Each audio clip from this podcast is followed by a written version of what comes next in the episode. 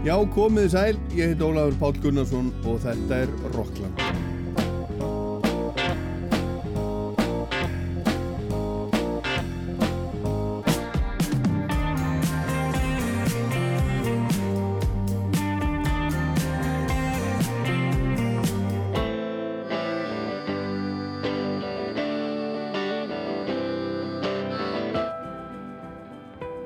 Úrslitakvöld músiktilruna fór fram í gær í Norðurljósum í Hörpu. Og það var ung kona sem notar listamannsnafni Kusk sem kom sá og sigraði. Og þetta er í fyrsta sinn sem einstaklingur sigrar í þessari gömlu og rótgrónu hljómsveitar keppni innan gæsalappa sem fagnar 40 ára ammæli núna í ár. Við heyrum í seinni hlutanum í Kusk og líka hljómsveitunum sem lendu í öðru og þriðarsæti, rapparanum Gunnar Kalls og hljómsveitinni Sameheads og líka hljómsveit Fólksins, Bibi og Jóð sem var valinn í símakostningu í gær. En hérna í fyrirlutanum ætlum við að skauta aðeins yfir sög og gestir Rocklands í dag eru þeir Arnar Ekkert Thoroldsson og Árni Mattíusson sem hafa verið í domnefnd músiktiluruna lengur en allir aðrir. Og Átni hefur til dæmis verið formaður domnefndar áratugum saman. Svo lengi að það man engin lengur hversu lengi? Velkomnir. Já, takk. Gaman, gaman sjá okkur og hérna uh, ef við ekki bara byrja á, á hérna, upphafinu 1980 og 2 þið er miklu, miklu sagnamestarar Fjör, 40 ár. Og hérna uh, bara hvernig, hvern, hvernig byrjaði þetta? Sko þetta náttúrulega byrjar á þeim tíma sem að eins og ég mann þetta er að það er sem sagt svona lifandi spilamennska var bara deyja á, á, á böllum, það voru hætt, menn voru hættir að vera með hljómsveit, það var svo miklu einfaldar að vera bara með diskotek mm. og það var svona hálfgett kreppu ástand í íslensku tónlistalífi þegar sem að hljómsveita spilamennska var annars vegar. Þannig að þetta var eiginlega svona tilraun til þess að hérna, tilraun til þess að koma og blása svolítið lífi í þetta, þú veist að skapa einhvern svona eitthvað, eitthvað, eitthvað viðburð sem að myndi svona kjarna þetta þar sem að böndin hefði eitthvað til þess að hlakka til og hefði kvartning til þess að fara að spila til þess að vera með og svo fara með þess Já, en, þe en þetta er samt sko, þetta er samt árið sem að, sem að Rokki Reykjavík er, er sín til dæmis. Já, já. Og, og, og þá var hellingur að gerast náttúrulega sko Það með hafði hellingur verið að gerast, já Utangarsmönnum og, og allt þetta sem, að, var, sem kom. Já, en það var svona, þetta var eiginlega svolítið, það sem var að gerast þarna var að, að sko, þessi bönd höfðu rosalega mikið að gera að spila á skólaböllum til dæmis Já. víða, víða um land. Hva, hvaða bönd? það er hljómsveitir sem voru starfandi á þessum tíma sko, alls konar hljómsveitir. En, en það var að hverfa vegna þess að það var svo miklu, miklu einfaldar ótir að vera bara með diskotekra það, það, það, það var eitt af því sem að var til þess að draga úr. Og þessi áhugir að, við tölum eins og við tölum eins og pöngi það við lagt allt undir sig. Já. það var allt verið vaðandi í pöngi það var bara var ekkert þannig. Nei. þetta var rosalega, þetta var mjög sterkur hávær, merkilegur menningar kimi Mm -hmm. þetta var ekki gegnusteg, ég menna auðvitaðkastmenn fóru um landið og spiluðu og það voru tveir og þrýr á hvernig tónleikum sko. ok, síðan verður buppi stóra stjarnanskiluru og þá fer þetta að vera meira. En lífi var hér í Reykjavík í þessum kima. Þetta var ekki, við, við gleymum því. Þegar við horfum tilbaka, að já, rock í Reykjavík það var allir að spila rock, nei það voru ekki allir að spila rock. Þetta var sem sagt lítill hópur, rosalega virkur rosalega merkilur, mjög góður. En þetta var ekki allir. Já Er þú samanlega þessu doktor Arnar Egert? Þetta er allt saman hárétt á Hodna Mattiasinni hérna, um, sko það er einmitt oft og mér er þess að pöngið í London að þetta verður í einhverju svona ljóma eftir á og það halda allir þetta að vera algjörlega lagt undir sko, síðan þegar fólk kíkir á vinsaldalista, breska vinsaldalista hvað var að komast inn á topp 40 þá var það mjög lítið pöng þannig já, sér, já, já, já. En, en það er svona, þetta er svo spennandi og framúrstefnulegt og eitthvað svona að þetta verður hérna, þetta fær svona meiri umfjöldun Átni Matt skrifa mjög mikið um ham og hérna, það, fólk búsett erlendis, ég held að ham væri bara hérna vinsælasta hljómsveit landsins sko. Eins og hún var, hún var. en, en ég hérna, svo ég tengi þetta í músitilunir allavega hugmyndin á svo meðal annars að virkja áhörendur og fá þá til að mæta með því að gefa þeim einhvers konar hlutild í dæminu að kjósa, að kjósa. Fá fólk til að mæta. Já, fá að vera með. Fá að vera með. Já. og það virkaði reynda mjög vel. Já, og það virkaði vel. Rosa vel Já, en, en þetta er sko, það var samt öðruvísi fyrirkomulega þarna á, á þessum tíma en er í dag eða ekki, Já, þegar, sko- þegar þetta byrjaði. Já, þetta byrja náttúrulega sem marathon svona hljónstíkjefni sko. og síðan fa- þetta hefur verið að breyta, þetta breyst rosa mikið og það má eiginlega segja það á, á hverju ári líku við að þá sittist fólk niður og segja, já, já, hvernig ætla þetta af, hvað ætla að gera öðruvísi. Þannig að þetta breyst rosa mikið og, en hérna, eitt, sko, stærsta breytingin hefur verið svo að hérna, getum við sagt að vægi áhörunda hefur minkað Já, Með af, árunum. af hverju þá? Það, þetta hefur bara orðið faglegra. Það hefur verið faglegra, það hefur verið domnemnd. Fyrst var domnemndin, það var bara ég og Bjarni, hérna hljóðmaður, og svo var stundum var það bara ég. En svo, svo svona, það? það, það kom fyrir eitt, eitt, eitt, eitt, kvöld að ég var bara einn í domnemnd. En sem sagt, ég, þá hafði náttúrulega salurinn meira vægi, skilur mig. Þetta var ekki já. þannig að ég valdi eina hljómsveit, þetta var bara salurinn hafði meira vægi en hann hefur í dag. En svo hefur smá saman hafa, hérna, þetta voruð meiri fagmennska, domnemndin orðið fjölskipuð og hér- svo síðustu árin og þá var þetta verið þannig að úslita kvöldi þá bara velur hljómsveitin eftir þrjú sætin nei hérna domnindi fyrir ekki eftir þrjú sætin sko. sem, er, sem er náttúrulega gríðarlega breyting Er það sangjant? já, það, þetta Ha. er allt sangjant það er sangjant að áhörundu velja allt það er sangjant, þú veist þetta er allt sangjant það er bara eftir hvernig, hvernig maður vil nálgast þetta Það er ástæða fyrir því að þessu var breytt eh, loksins að hérna, þetta var alltaf svona að það urðu til hliðranir á úslitakvöldinu. Þá var dóminandi með 70% og áhörvendur 30%. Það, það var sem sagt, það var, búið að hækka það var fyrst áhörundu 70 domnund 30 Já, sko. þannig, hérna, Já, já. Uh, þannig að hérna, öll völd eru núna fært í dómnendar á. Já, og það hefur bara það hefur reynst vel, hitt reyndist vel líka ég, ég vil ekki gera lítið úr því en það hefur bara reynst vel, þetta er orðið miklu faglegri keppni og, og það er hljómsveitir sem hafa náð lengst á heimsvísu þegar músíktilun og hljómsveitir er annars vegar eru hljómsveitir sem hafa verið valdar af dónut Og þetta hefur verið með þetta sérstaklega í undanúslitakvöldunum. Þá er þetta samtal milli áhörvenda og dómnendar. Salurinn velur eina hljómsveit og dómnendin velur eina. En þetta var líka gert til að koma í veg fyrir það sem var kalla smölun. Þegar komu fjóra rútur úr borganesi eða álíka og kannski hljómsveit sem hérna, átti þannig séð ekkit erindi í úrslit var komin ángað sko. já, já.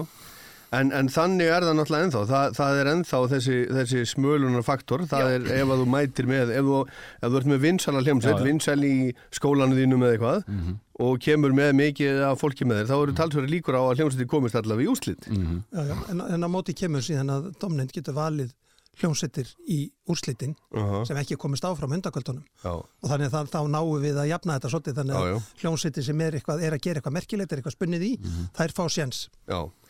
Herðu, og þetta byrjaði allt saman í, í bara einni félagsmyndstöð, Já, Tónabæ. Tónabæ, já. og hérna og, og þeir sko þeir eru uppásmenn hérna Jóhann G. Jóhansson, sá merkimaður og, og, og hvað, hvað er hann, Ólafur Jónsson Já. Sem að, sem að síðan var hérna upplýsingafulltrúi Reykjavíkuborgar, það var bara stutt hérna á Tónabæ já, og, og er þar með úr sögunni og maður segir hérna. já.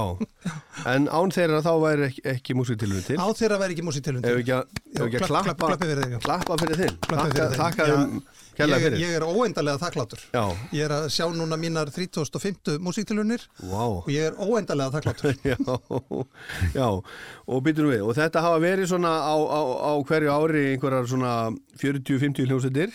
Og þetta er orðið 40 ár. Þannig að þetta er orðið hvað Þetta konar eitthvað yfir þúsund hljómsveitir og ég og Átni munum eftir þeim öllum Öllum bara. Ólíðskipan.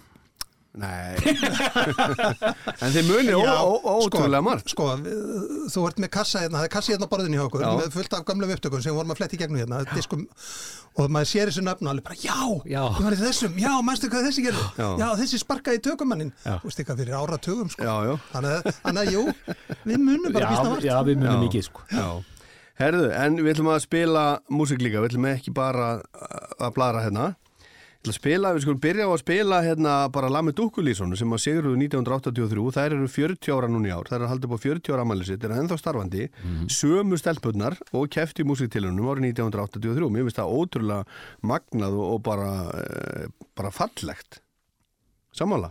Sammála því. Algjörlega. Já, algjörlega.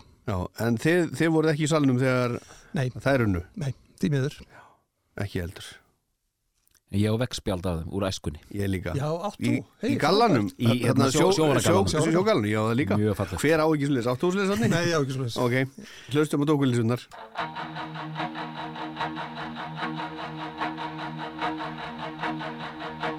Samt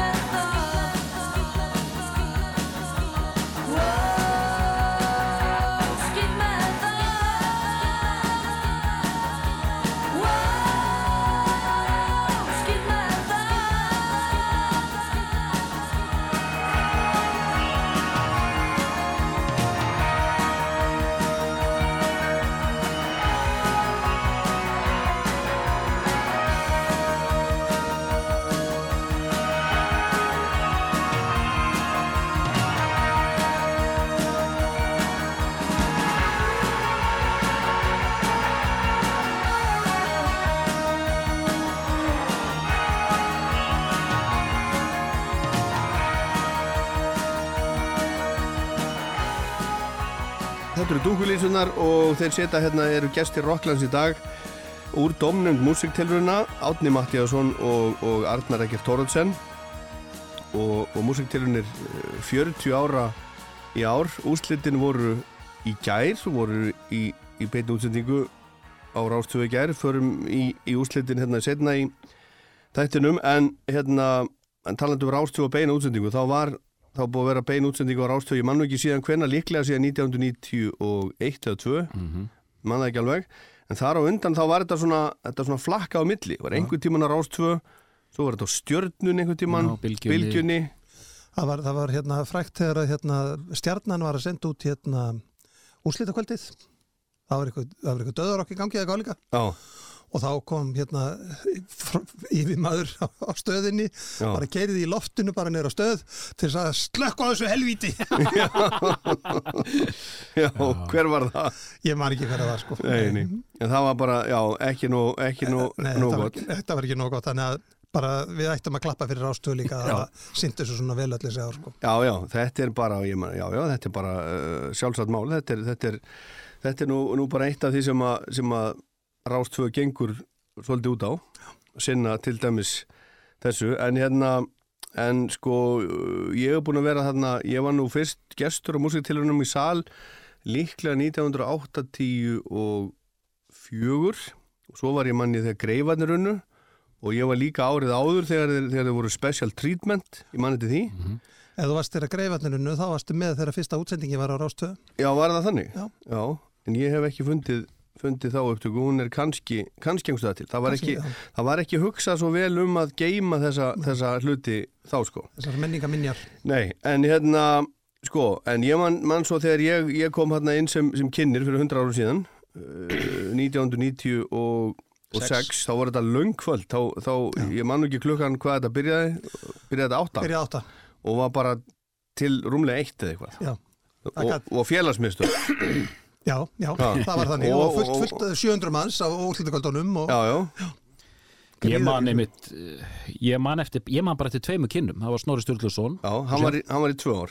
Já, hann var um tvö ár. Og ég er búin að vera hans lengur. Já, og síðan hérna man ég eftir þér hérna en á tíund áratögnum þá þetta var, ég vil koma að því að hvað þetta var mikilvægt, nú er ég yngstur hérna inni, hvað þetta var mikilvægt fyrir okkur unglingana sem vorum að fylgjast með íslenski tónlist, þetta var algjör hápunktur á árinu. Mhm. og rosalega mikið spenna í öllum. Vinir og kunni gera að taka þátt. Ég meina, ég og bróður minn fórum á sig úrslita kvöld og mamma þurfti að íta á rekk og play heima. Já, já, að því maður vildi eiga þetta og síðan hlustaði maður á þetta aftur og aftur og aftur. Og svona mjög mikil svona einhvern veginn gott lím og, og, og þessi tilgangur og þessi virkni músiktilina sem hefur þetta sanna sig að hafa fasta punkt í dagatalinu og gefa þessum krökkum 13-14 ára stundum einhvers konar tækifæri til að koma fram í fyrsta skipti oft já, já. Já, og fá líka feedback. Já, og þetta, er rauna, virknin er alveg mögnuð Já, þetta er merkilegt og, og, hérna, og, og, og þá var það þannig að það ekki, þá, þá voru fjögur lög, lög á bandið ekki. Það var fjögulega fjögulega band, já, Já. og svo, og engin takmark á hvað lögi voru lög. Nei, nei, sem voru mjög löng. sko, og sérstaklega- tvær gestasveitir. Já, tvær gestasveitir, eina fyrir og eina á eftir, eina með að talið og, og hérna stundum tók mjög langan tíma að telja þetta voru flókin atkvæðagreitla, þú þurftir að raða öllum hljónsutum í sæti. Nei, þú þurftir að gefa öllum lögum stík. Já, öllum lögum, já, öllum lögum stíg var það, já, það er rétt, já. Lög fengur stík, leggja svo og þetta var alveg já, já. rosalegt ég, ég, man, ég man eftir einni hljómsveit sem var að spila á meðan verið verið að telja og hún spilaði og spilaði og spilaði og allir alveg að gefast upp og svo sögður, já, já, viljið meiri músík? Og þá hrópaði sælur, nei! Já, já, já, akkurat. En hérna skulum heyra, heyra næst í, í annari hljómsveit, annari kvennarhljómsveit Kolröfsu Krókriðandi Mhm. 1992 það var hérna, já, ég var hérna sko 8-10 greifandurinn 86 eða ekki? Jú. Jú. og ég var þá og svo kom ég hugsanlega ekki, ég mani þetta ekki alveg að það getur verið en svo kom ég næst 1991 og ég var svolítið hissa. Já, það var bara, bara já. Og ég var ekkit inn í þeir, þeirri músík og ég bara þekkti þetta ekki. Þetta voru, voru strákar sem voru yngri en ég og mér bara leist ekkit á blikuna. Það bara kom hver hljómsveitin á fætur hannari spilaði dauðarokk og, og svo var aftur dauðarokk 92 já, heldur betur og hérna en þá kom þessi litla, litla kvenna hljómsveit úr Keflavík sem, a, sem var skráð var- það, var, það var einhver grínari vinur þeirra sem, a, sem a, Skráður skráð þeirra af því að það voru svo lélegar Já. svo unnu þær Já, já, Já, það var svolítið gaman að því, það var einmitt döður okki í öðru sæti og döður okki í þriða sæti Já. já, já. hvaða hljómsveitin? Það voru sem sagt In Memoriam í öðru sæti og Inflammatory í þriða sæti Já. Já, já In Memoriam var náttúrulega eðslega band, sko. Og hverjir hérna- voru þar? Hann var ekki átni, hérna, söngvari, var hann ekki Jú, ég held einmitt að hérna nú eru glamar öllu sko en, en ég held einmitt að Cranium hafi lent í öðru sæti 93 Þeir lendi í- þegar, þeir lendi í þriða sæti 93 já, ok, já, þegar hérna hérna Júkatan vann og ég, ég er bara að lesa, lesa fyrir nokkur nefnina það segir svolítið um Condemned, já, Cranium, Cremation Dyslexia, Já. Dystopia Forgarahelvingdi sem var náttúrulega æðislegt band. Ja. Goblin, In Memoriam Já. Clockwork Diabolus Inflammatory, þetta var bara svona. Já. svona var þetta. En þarna voru sko í, í kreinjum var, var ekki Bjarni Gríms þar Jú, Bjarni Grímsvar sem, var- setni lífs og einhverjir úr lífs eða það, það ekki líka. Sigur Guðjónsson uh, Sigur Guðjónsson, bróður hans Arnars Guðjónssonar Já. hann var á gítar, myndlistamæður Egil Tómasson, kallar Egil Sneik stundum Aha. hann var á gítar. Um, uh, síðan var einmitt Bjarni Gríms á trómum Átni Sveins söngvari já. og Ófegur Sigursson mm rithöfundur, Offi hann var að bassa. Þetta var alveg sko, Já, þetta var svo ríkalega gróft og grimt band að þeir voru magnaðir. Þeir voru magnaðir, það var alveg dásamlega Það var, það var, það var, ef ég má nefna þess meira með þetta Já. kvöld, ekki það að þetta sé besta kvöld ever, en þarna spiluðu þessum nýtturbassarnir og hann var í nýtturbassunum, hérna, hvað heitir hann, gítarleikari sem síðar, já, hérna Sem að- fór síðan í Sólstandagæja já, Sólstændagæi, já. Og svo- Jónas? Já, nei, ekki Nei, Jónas var ekki vinnur hans hérna sem Já, hann er ummi. Ummi, já. Já. já. Og svo var náttúrulega hérna hljómsveitin Mönir. já, já, já, munir Arnar Ekkert Þorlsen já, Arnar hún Eggert Thoroddsen. kefti 92 það er Já, þú kefti 92 Já, það er efni heilan þátt að segja frá því en ég hef sérst keft líka 92, Ég, ég lagði aldrei í þetta einmitt með hérna Mói Feimin land, landsbyða, land, lands, landsbyðapiltur. Já, Já. einmitt og, og, og, og ég man eftir því sko og það er einmitt eitt af því sem að sem að er svo, uh, þú veist gott við þetta. Þetta er, þetta er svo, þetta er svo það er haldið svo vel, vel sko utanum krakkana og þeir eru sumir að spila hérna náttúrulega í fyrsta sinn, þetta eru, þetta eru í rauninni bara, bara ungi krakkar og, og bara börn, þú veist, stundum. Og, og ég man til dæmis eftir því hérna talandum um þessa, þessa, þessa litlu hljómsveit mína sem ég var í þegar ég var 14 og 15 ára við spiluðum fyrstu tónleikarnir okkar, það var í hérna, fjölbrautaskólanum á Akranesi. Svona kvöldvaka og þú veist það var ég 14 og krakkandi voru 16, 17, 18 og 19 skilu þetta var fullari fólk. Og ég var svo feimin ég snýri baki fólkið Já, já, já, allan tíman sko. Já, já, já. þetta er opbáslega er erfitt.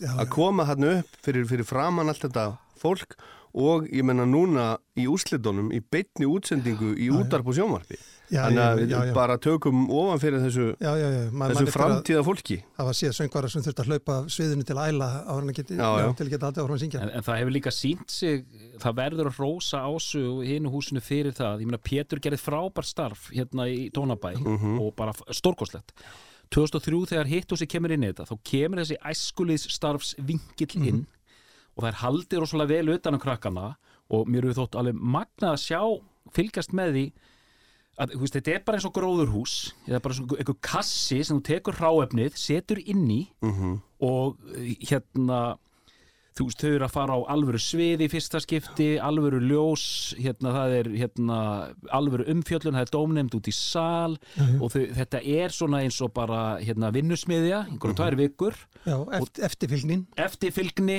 og hérna passað upp á þau og, og út úr þessu kemur hafi koma svona gull og gersemar í mörgum tilfellum sko. þannig að veist, þessi svona samfélagslegi faktor er rosalegur, maður er að segja erlendu vinum sínu frá þessu, þeir eru bara gapandi sko.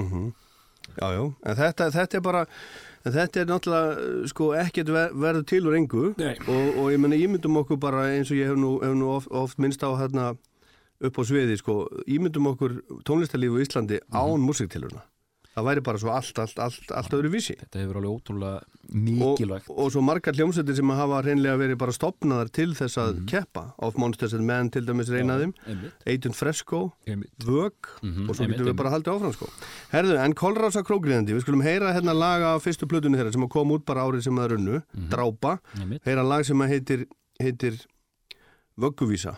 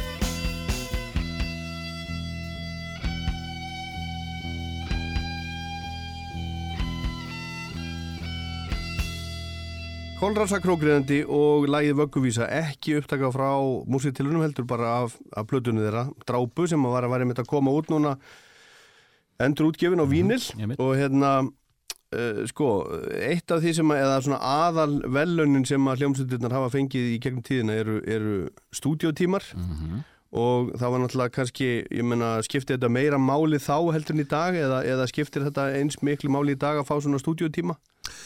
Það er sko, líkilatrið þarna er sko stúdíutíma með manni. Já, það, er- það er sko stúdíótímandi sjálfur gera kannski ekki svo mikið en stúdíótíma með manni, það er svolítið líkilatreið sko. Þú fær þarna einhvern professional gaur til þess að vinna með þér og sandlega og ég held að bönd læri ókíslega mikið af þessu sko. Ég held að hafi verið þarna í, í upphafi tíundáratörins með kolrössu og botlið og svona þá voru ennþá svo margir milliliður upp á að komast í stúdíu og fá plötusamninga þannig eins og með botliðu þetta er bara, þetta er svo hefur unnið í lottóinu sko. í dag væri kannski að taka þetta upp inn í stofu þeir fá þessa tíma og þið getur bara ímyndað ykkur og það, og það er allir þessi kraftur og, og umræða í kringum þetta band og uh, hérna, aðtiklinn fer svo mikið á þetta á þessum tíma og þeir fara inn í, í stúdíu og taka upp heila plötu, drullum all Já, og náðu ekki, að- náðu ekki að klára tíman Er það ekki? þeir áttu tíma eftir Ok, mjög effektífir já, já. Já. og síðan kemur platan út á geisladisk, Rappi gefur þetta út Já. og slæri í gegn innan gæsa lappa Mhm. hörgur rockplata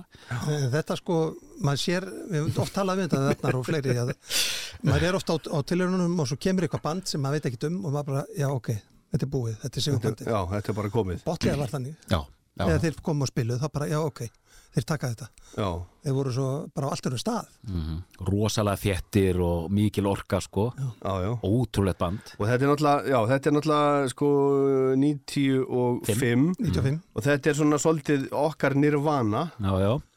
það er svolítið fyrirmyndin ekki satt þannig séð, já. Að vissuleiti, já, Já, Já. þeir eru voru líka í svona grófu svona Jesus Lizard og Melvins og svona, svona gróft amerist svona jaðarokk sko. Já, Nirvana var meira það voru kannski aðra sveitir sem sáu meira um það sko.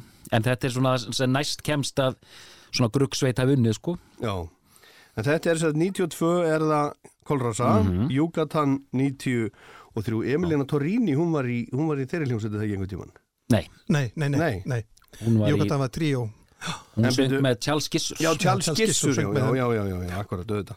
Herðu, já, fyrir ekki því, svo er það, svo er það Maus, ní- ní- 90 94. 94 Mhm.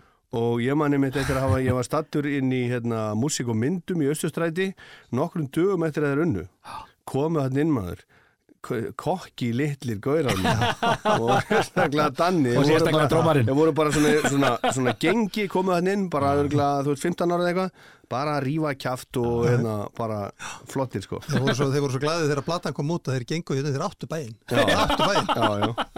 Skemmtileg hljómsveit, frábær hljómsveit.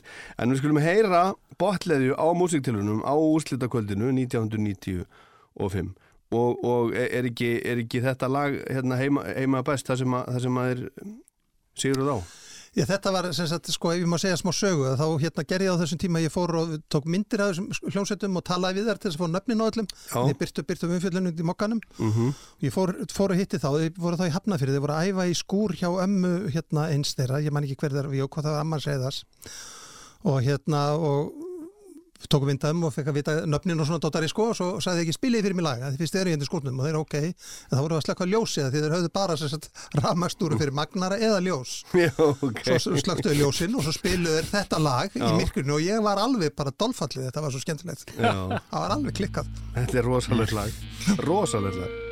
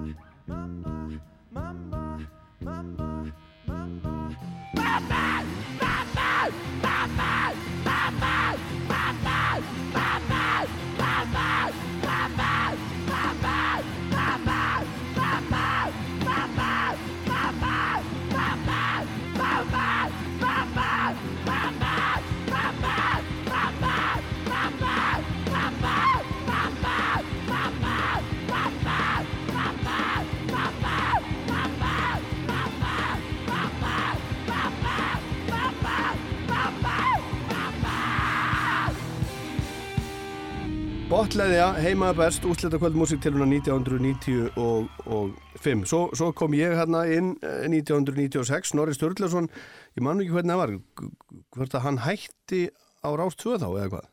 Ég með það ekki. Og, og hérna, ég man að þú, þú, þú ringdir og glými átni jú. og, og baðst mig um að hérna, koma inn.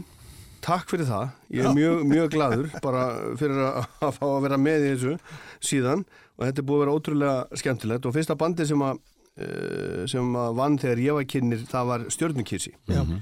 1996 þar var hann eh, náttúrulega trommari hann, hann hérna, Sölvi. Sölvi Blöndal og, og, og Bogi á bassa. Bója Bassa og og, og Úlfur, Úlfur söng sem, að- sem að langt fyrir aldur fram. Blessur sér minni hans, flott, flott band. Svo er það Svoðin Fiðla. Það var svolítið svona, svona Radiohead band. Já, já þar var, þar var ég mitt Egil Einmitt, Egil Egil Tómasson já, já. og, og svo, svo Steiner Já, frá Hafnafyrði hamnafyrir og svo Mínus, ég mani mitt ég, ég, ég hef nú sagt á því sko ég man þegar ég heyrði Mínus, þegar ég heyrði svon hennan, litla granna sköllóta svon Björgvins Halldórssonar öskra alveg eins og bara brjálaðingur þá hugsaði ég, vá, þetta er geggjað en þessi gaur á aldrei þetta getur sungið. Hann er ekki talent í að syngja. Sko ég hef aldrei en svo er þeir bara Já. orðnir alveg eins í dag. Já, já. ég, ég hef aldrei upplefað fyrr nýja síðar að hérna, ég var að vinna þá fyrir músitilunir uh, var aðstóða við hérna, hljóðpröfunar á daginn. Já, ég hef aldrei fundi, fund, fundi fyrir svo áður sem sé, fyrir, fyrir að sé er í setin í salnum og þetta er svona eins og í ykkur svona bókmentaverki hérna svona vindar helvítis hérna Gales of Hell að ég fann að þeir voru að fara lappin í salin svona mínútu áður en þeir löpuðin í salin já er það? Áran var svo rosalega sterk. Þetta var rosa gengi. Þetta var rosa gengi og síðan bara lappaðir inn og maður bara svona já, góðan daginn, sko, þetta löpuðu sigurvegarnir bara inn í salin, sko, í, í hljóðpröfu rosa gengi einmitt. Það var rosa gengi sko. og byttum við, hérna bassarleikarinn, hann var handlegsbrotin Í úslutum, Já. þeir þeir lendi í í- slagsmálum eftir Já. undan Já, úslutakvöld letti slagsmálum fyrir utan. rock'n'roll. Heldur betur. Herðu, og svo hérna, hérna næsti viðkomustæðar, það er árið 2000 þá, þá komu hérna Rottvælarhundarnir og ég man eftir því þegar ég var með þeim, ég man, þú veist, maður ma man svona brot og brot, ég er nú ekki með eins gott minn og þig held ég, en ég man eftir þegar ég var að tala við þá strákana inn í, inn í búnisherbyggja áður en þeir fóru að svið í Tónabæ, þá voru allir að hérna, skiptast á fötum, þá var svona erpur að útdeila fötum, hann var að lána þeim galla, hann er já. lúkkuð, sko, hann var svolítið að þeir og hérna, þeir voru alveg geggjað, það var ótrúlega skemmtilegt. sko. Rosa skemmtilegt. Þarna sjáum við líka þetta hlutverk músitilunni að endurspegla það sem er að gerast í bílskorunum sko. þannig kemur sko, þessi harkjarnabilgja þú veist, byrjar þarna og líka í rauninni íslenska rappbilgjan hún, hún svona fer af stað þarna já, fyrstu merki um hana voru Já. kannski Tríó Óla Skans sem hann í, var í hann Ómar sem Einmitt. var setning Karasi sko, þremur árum áður en þarna þetta er alveg rétt sko þarna byrtist það sem að var að gerast sko sem að var ekkit áberandi í útastöðum Nei. hérna á þessum tíma sko Nei, alls það ekki. fær þetta svona samþykki og allt fer af stað í kjölfarið sko. Og er það ekki rétt muni hjá mér að, að það, það er músiktilunir eða, eða, eða úslita kvöldi það fóð fram í þarna, þarna fram íþrótahúsinu. ekki Rottvælir, Rottvælir voru í það var- Tónabæ það var 2001 Já. þegar andlát vann Já, já, það var í fram íþróttósinu já, já. En þetta var sem það var sagt- tónabær var sko fluttur hérna í, á annan stað sko Já, já, Í já. Safamýrina. Já, það var svo lítið plástar já, hann hefði fluttur í íþróttósi úslitir sko já. En, en úslitin voru 2000 í íþrótahúsinu litla. Nei, Nei, Nei, það var- það var- það var í gamla, Það var í gamla Tónabæ. Tónabæ. það var síðasta gamla sko. öld, síðasta gamla. öldungar spjalla. já, já, já, já. Herðu, við skulum heyra hérna Rottweiler á úslitakvöldinu. Já, frábært Smá eftir á innskot hérna, þetta er upptaka frá árinu eftir, 2001, úslitunum þá. Ég fann ekki úslitin frá 2000, hérna eru Rottweiler hundandir gerstahljómsveit á músiktilunum 2001. Hei, hver á að vinna, hei? Já, já, já, já, já. Hver á að vinna þessa keppni í kvöld? Hvað er það? Trönningin! Trönningin? Já, það eru hippabarnir sem eru í kvöld, eða ekki? Ok. Er ekki rottalega? Nei, eru leiðilega. Ok, góð hugmynd. Rottalega vinna í kvöld? Já, hei. Já, góð hugmynd. Já, rottalega vinna í kvöld. Ég þekki domnendina, við rettum þessu. RLR, Votur Jehova, Átni Jónsson, Ungi Sjálfstafsmenn, Akkur Austurland, Gummi González, Höttur Greinvík, Faculty, Steingam Jálsson, Kíó Briggs, Fjölnir Þorgesson, Íslensk Erðagrein, Hrepp Gunnarsson, Glistrup, Væsnesbóndi, Norð Margin, Ali Mal, Félagslega Þjóðsuna, Mamma Erta Bekka Döða, Krosta Þjóður Skíma, Félagslega Þjóður Þeir eru Skíma, Þér er ekki bóðið! Þér er ekki bóðið! Partið mitt er dokki eins og Dalmatíu hundur. Það er slítan eins hundur Ég er rottweiler hundur. Það þýðir vesn eins og rifismokkar á brundu Það er partí í Kópavogi, Það stoppar aldrei Eftir það er partí eftir það Hvar? Sín til með dræf Fyrir með með með þunni Hvar? Það stoppar það? Það er resla veistu góna stað Og þú veist það vel Að það sæna stelpur eru að kók veikla sem Ríktu gæstu sveim Er maður reykja frá allt minni. Tekur vodin og finni Fjölskyld samanslögi frá skónum og Reykir ekki inni Trómar að bassur ekki og Nýpa brandinu fjastjónu með hassi. Það sjá það við nýpir hassi? En engu passu plassi Og ef þú veist ekki hver það er þá Er þér ekki bóðið Þér er ekki bóðið Ég held að hlusta þessa músík í áttundabæð. Þér er ekki bóðið Heyrðu mig, ég var nú ekki bóðið. What's up, Kamela? Jesus, got the fucking head in me, fucking fuck. Þessi gaur í beimir hana, hei. Hei. En ég var nú samt ekki bóðið. Þú verður að fara út. Verða frá út, skilur Vad är det med vilka druslar i battling? Reynd á það, félag. Komdu. So I put the ass and cast the cash, cause gonna fuck you up for good, cause I'm straight from the hood. My style is fat, when I get my gat, I put it in your hat and call you a bat, motherfucker. Yeah, I'll fuck you up, man.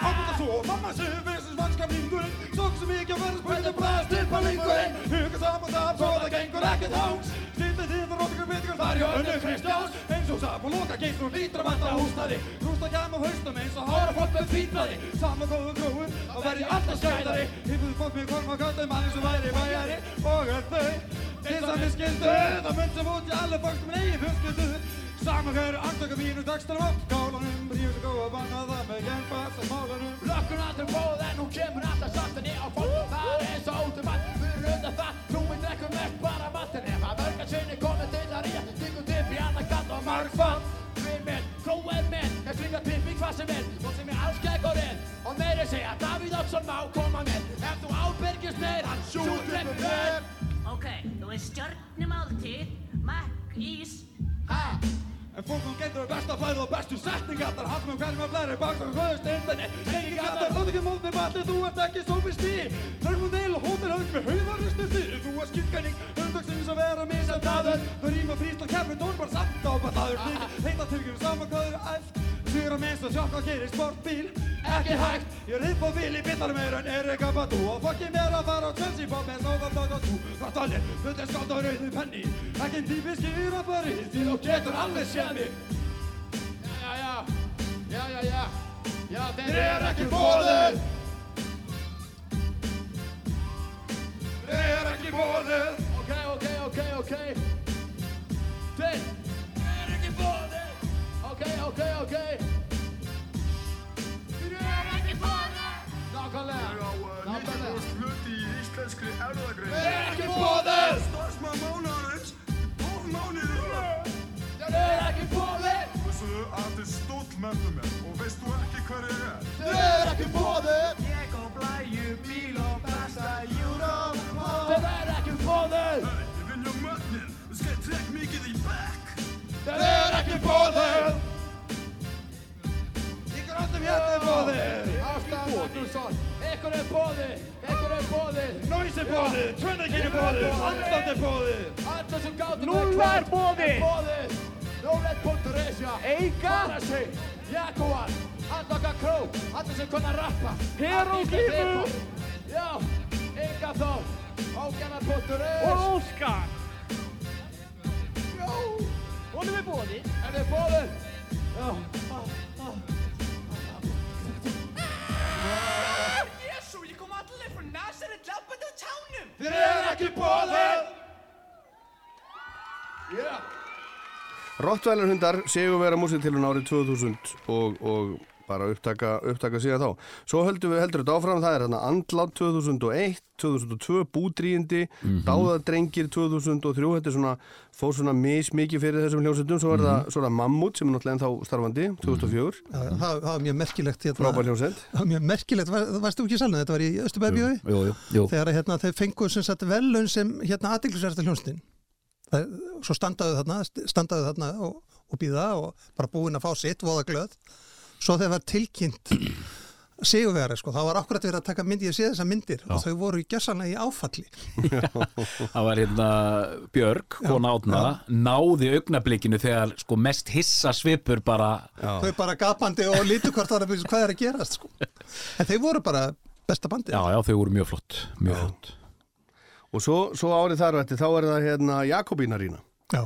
Sem er nú skemmtileg hljómsveit líka Rosa Það er skemmtilegt. rosalega skemmtileg svona eitt, eitt svona besta tónleikaband sem maður hefur séð sko. Já, já, alveg æðislegir leiðilegt að þeir skildi ekki halda áfram en svo hafa þeir náttúrulega haldið áfram í grísalappa lísu Já, já. og, og, þeir og náttúrulega hinn og heldu, þessu heldu áfram í útlöndum þannig séð sko. já, komið já. stæðist til útlanda já, já. Já, já. og svo eru náttúrulega grísarabbalísu já eða, eða svona Það hlut, af þeim og, og eru, eru í bara hinu, hinu og þessu þetta eru, þetta eru skapandi ungir menn frá Hafnafyrði merkilegt hvað, hvað er mikið hljómsveitur frá Hafnafyrði sem hafa unnið? Það er ekkert merkilegt, það er bara eðlilegt. Ég sé það núna, Já. heyrum í, í Jakobínurínu Hey,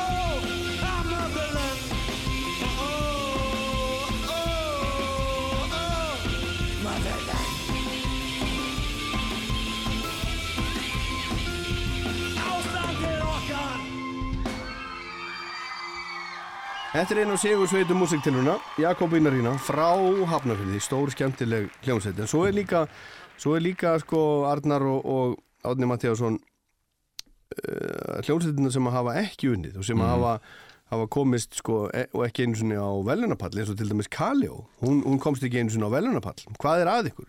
Þarna domnendar. Uh, í þessu tilfelli myndi ég spyrja hvað er að kallið Þetta er náttúrulega, sko, þetta er ekki vísindalegt, þetta er smekkur og við erum ofta, við erum að leita einhverju sem er ferst, einhverju sem er nýtt, einhverju sem er óvinnilegt eða óvinni vel gert og svona.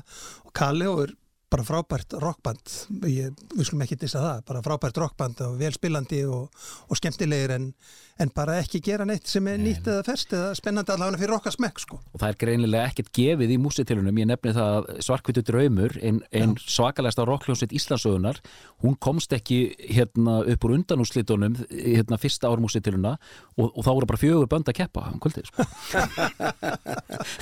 Hvernig? En þá var það, já, en, en hvað, hérna, þá var náttúrulega, þá var, hérna, þá var, sko, þá var kannski domnendin öðruvísi samansett, ég menna, meiri Jú, jú. svona pop áhugi, Já, kannski. já, já, já, þá var það, þá var það sem þetta réði salurinn náttúrulega mestu, þeir voru Já. ekki með náðu mikið liðið með sér sko. Nei, en svona minnistæðasta hljósetin eina mörgum sem eh, sko vann ekki er til dæmis uh, 200.000 naglbítar. Þeir eru í þriða seti, já. Þeir eru í þriðja sæti árið 1995 Já. og hérna Stólia var í öðru sæti og Botliða vann. Allt frábæra hljósetir Já, ég meina hver og þá sungu þeirra ensku Bootlegs. Bootlegs. Bootlegs er, er svona, fyrir mér er Bootlegs besta ba- bandið sem vann ekki. Mhm. þegar maður hugsaður um svona sögum músítiluna Mhm. æðislegt band. Þeir eru í þriða seti líka. Mhm. og í þriðju tilraun geftu þrísvar, þrjú orði röð. Svo er náttúrulega, hérna, hljómsveitin Vúl, Já. frá já, þar var já. Hildur Guðna og... já, já, um Já, já, Woofer, Woofer, já, já, já. Guðina var þar. Söng alveg frábælega Já. mjög, flott band. Já, já, já, það var gott band, jú. Og uh, keftu þau í mústilum Woofer? Woofer, nei, hún, það hétt ekki Woofer þá. Nei, nei. En sko Vúl. Jú, þau hétu Woofer. Já. Þau hétu Woofer, það er rétt. Vúl, það var Höskuldur Ólafsson Höskuldur Ólafsson, hann var svo stressaður blessaður. Og Orri Pall Dýrason á trómum Já, já, já. Þeir urðu hvað í öðru? Það var- það var árið sem Maus jú, jú, vann Woofer kefti 97 Vúl voru að keppa við Maus, það var það derfitt sko en í, þeir munu aldrei gleyma því að hafa ekki unni músitilunir Vúl já, já. Og svo hérna, og svo náttúrulega, sko, hérna, e, Bee Spiders, já, ég segi já. Jónsi já, Sigurrós já, já, og, Jónsi og hverjir voru þar aftur með honum? Uh, veistu, ég man ekki alveg hverju voru með þeim sko, en, Ar Arnar frændi Jónsa var að bassa Já, mitt, já. og Hallgrímur, hérna trommuleikarinn í Sólstöf Já, hann var já, trommari. hann var trommari. já, já. Og svo voru þeim með hérna, dansara með sér. Já, einmitt. Og annar af þeim dansurum í, í svona svörtum channel kjól svona mjög stuttum var sem sagt hérna Kjartan. Kjartan Sveisson Sveinsson. Já, Já, dansaði, ég á myndir af því, ég get sínt þér það já, veist. geggjað. það, var, það var bara ótrúlega skemmtileg, skemmtileg uppakoma það band sko. Já, herðu, svo ef við förum hérna aðeins yfir þetta áfram, það er Foreign Monkeys frá Vestmannu 2006, Shogun 2007, þeir gáðu nú, nú, nú, nú deina plötu og svo, svo var nú ekkert mikið úr því. Það var frábært band, sjókun, Ei- rosa góður. Agent Fresco, Já, Agent Fresco er eitt af þessum ljósundum, maður bara sáðu að spila, ok, þeir eru með þetta sko. frábæri sko. Já, Frábært band sko. Gaman að fá músitiluna hljómsveit sko þeir kunnu sína skala en þeir kunna skapa líka. Já, já, já, um já. það. Já. En ég man eftir því sko þegar það var að koma fyrstu hljómsveitina sem voru svona svona fólk úr tónlistaskólanum svona úr, FIH og svona, þá var það hálpartin liti hotnöga. Ég segi það nú kannski ekki, sko, málega er það þú, mjög mikið af því að fara í tónlistaskóla er að er læra að spila eins og á að spila. Og hérna eh, hvað getur sagt, svona nýsköpun og frumleiki verður oft þegar þú spilar eitthvað sem á ekki að spila. Þú gerir eitthvað sem er öðruvísi og þú reynir að gera eitthvað sem þú getur ekki gert getur orðað það, samt en sem sagt, eh, tónlistaskóla við höfum fengið fullt af náttúrulega böndum og það hefur aukist á síðast árum tónlistaskóla menntaðir. Agent, Agent Fresco er, Já, já, mjög gott dæmi um það. Við hefum fengið alls konar hljómsveitir úr tónlistaskólum og sko, það, það er eitt, eitt er að kunna spila og annað er að kunna semja líka og frumleiki er það þriðja sko. Mhm. Þannig að það fer auðvitað ekki alltaf saman. Nei. Ég sé ekki að það sé lítið neitt hortnöga en hérna En mér, ég hafði þessa tilfinningu allavega, þú veist, ég er að tala um fyrir sko 20 árum síðan. já, einmitt, já Það var eitthvað svona, Já, þeir séu eitthvað koma, hvað eru þau að tróða sér hérna inn já, hérna, eitthvað svona, þetta er, já, já, ok, ok, ok, Já, já. flinkir en ekkert sérstætt, ekkert að frétta. Þetta, þetta er náttúrulega líkil atriðunum í því hvernig, hvað tónlistarlíf á Íslandi er í raun og veru hérna stöndur, hvað við Já. stöndum vel og hvað við erum hvað okkur gengi vel á erlendis til dæmis með íslenska tónlist hvað íslensk tónlist hefur ekki vel, það eru tónlistarskólanir Mhm. Algjörlega. og þessi mentur sem þessi krakkar hafa fengið og nota hann náttúrulega mismunandi hátt en það er algjörð líkil atriði Mhm. Nefnilega, við höldum áfram með músiktilrunir inn í Rocklandi rétt á eittir. Hey, it's Iggy Pop. You're listening to Rockland on Rouse Tour. Herðu, svo er það bróði Svartúls 2009, þar var náttúrulega, eh, það var svona rockband með, með, með, með Arnari úr Úlfur Úlfur. Það og, og hinn líka var það ekki, þannig að hann hérna, Helgi, já, já, söðkrækingar og- þeir voru þar, á já, skemmtileg, skemmtileg hljómsveit og öðruvísi heldur en hafði, hafði verið áður. Og þá, var, þá voru úrslitin komin í, í listasafnið. Og svo, svo hérna 2010 þá var það Of Monsters and Men. Það var einmitt band líka sem að maður bara, þeir voru með þetta bara. Já, já. bara frá fyrstu, fyrstu tónum algjörlega, þeir voru með konseptið, þeir voru með hljóðheiminn Já. og þetta samspil, þetta var alveg frábært meira átt og flott flott. Ver, verðskuldaðu sigur. Algjörlega. Og verðskuldu fræð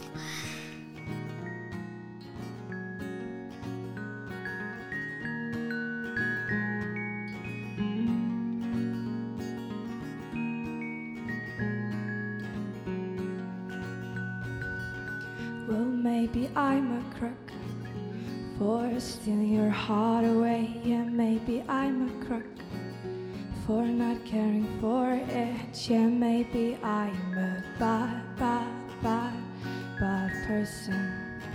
But baby, I know.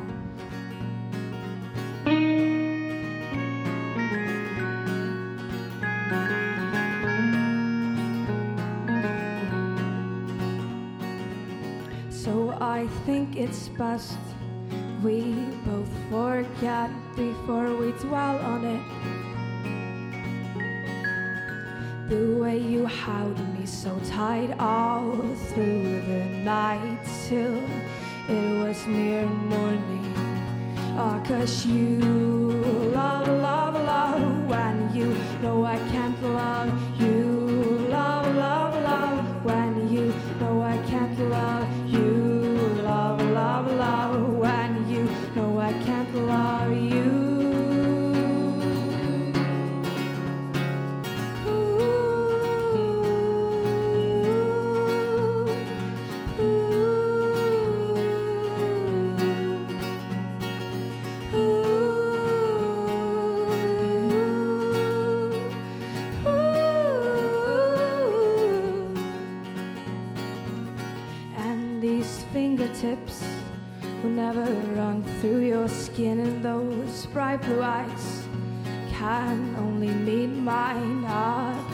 a room filled with people that are less important than you. Not cause you love, love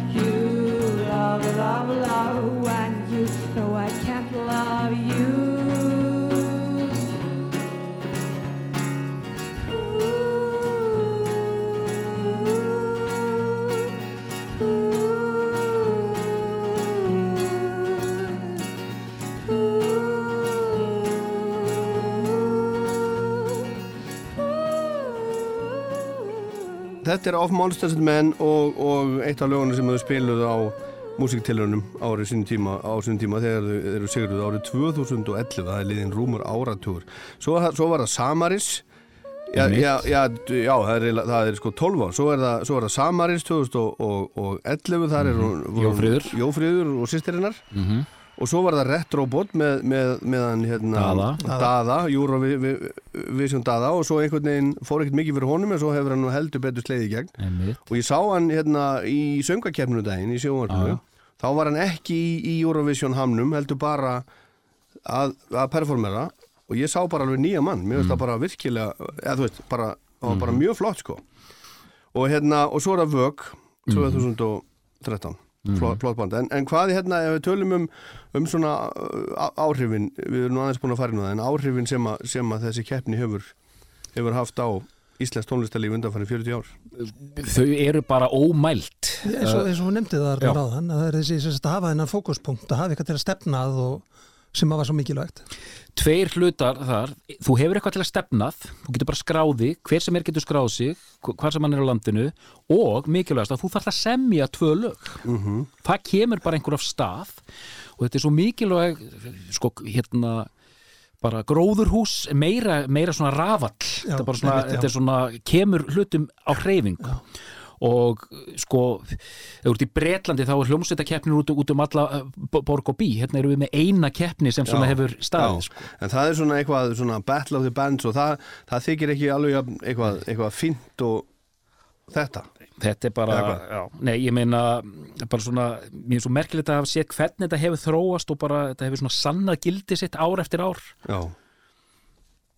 Mm Eru þið, eru þið hérna, eru þið búinir að spotta sigur, bandið í ár? maður heldur að stundum Já, já, maður heldur að stundum en uh, við erum allavega, það, það, er ekki, það er ekki komin svona moment þar sem að við segjum, já, þetta band vinnur. Þannig að þetta er svolítið svona formið úrslita kvöldið. og hluti breytast á úrslutakvöldum Já, Já. Það, það við gerir það oft. Þá bætist líka við, við eitt, eitt annað- lag, eitt og, lag. og, hérna, og, og böndin hafa svona sagt auka viku til þess að æfa og undirbúa sig, Já. þetta verður, þetta verður rosa spennandi. Já, en, en svona eh, á, árið í ár miða við eh, fyrir ár, þetta er, það voru sko töluvert færri hljómsveitir í ár heldur en, heldur en hafa nokkuð tíma verið Átni, að með skýring á því Já, það er náttúrulega skóla starf allt með Lamassessi og við sjáum þá eftir músíktilunum að hljómsveitin sem er kom inn að þær eru oft búin að starfa í 1-2 mánuði, mm -hmm. krakkandi kynast í skólanum, byrja að vinna saman, stofna hljómsveit músíktilunum og líka tónlistaskóla starf allt verið í Lamassessi, þannig að það skýri þetta sko. og margar hljónstina sem hafa tekið þátt núna e, voru bara stopnaðir í síðustu viku sko. En, en, en sko ég segi, segi fyrir mig og, og, og er nú ekki í dómlendin og sé þetta ekki allt svona eins og þið vegna þess að ég þarf að fara á bakvið og svona. En mér finnst þetta að vera bara sterkara ár heldur en ég hefur bara verið í bara nokkur ár sko. Ég veist til dæmis síðasta kvöldið, þriða kvöldið, það var rosa gott, það var rosa gott, þetta er, þetta er mjög góðar músíktilunir, alveg algjörlega á reynu, fjölbreyttar og skemmtilegar, fullt í gangi. mm og bara meiri, sko, má ég segja það sko, eiginlega svona meiri fagmennska, það er minna um að menn séu að koma bara út að aga sko. það er bara einhvern megin það er bara, fólk er það er búið að semja lögin og, og, og fólk svona kann á hljóðfærin sko. Já, já, og svo er mikið af, af hérna hvenna hljómsveitum sem, að- sem er í úrslitunum Já, það er verður vera tölvert að það verður aukist á undanfjöndum árum sko. Já, en, en það til dæmis, ég meina er, er ekki stelpur í meiri hluta í úrslitunum í ár? Uh, jú, er það gjarnar? Jú, ég meina, ég, Já, allavega, allavega, minnst ást að pari, held ég hugsalega meiri hluta. Ég bjó Erlendis þegar þessi breyting var að byrja og ég var svo gladur að sjá hana þetta var bæði fyrir sko, bara þrýsting frá músitilunum kvartning og um leið og stelpur byrja að vinna keppnina þá er þetta fjölgaðum strax þegar það sjá þessa fyrirmyndir hei, það er við unnu þá get ég kannski unnu líka. Þa, það er bara uh, nummer 1 og 3 að hafa þetta fyrir framann sig sko. Arnar Eggert og Átni Mattíasson Takk fyrir, takk fyrir komuna. Takk, fyrir takk, Heyrust, heyrust aftur og eftir, eftir keppni sko. Já, algjörlega. Algjörlega.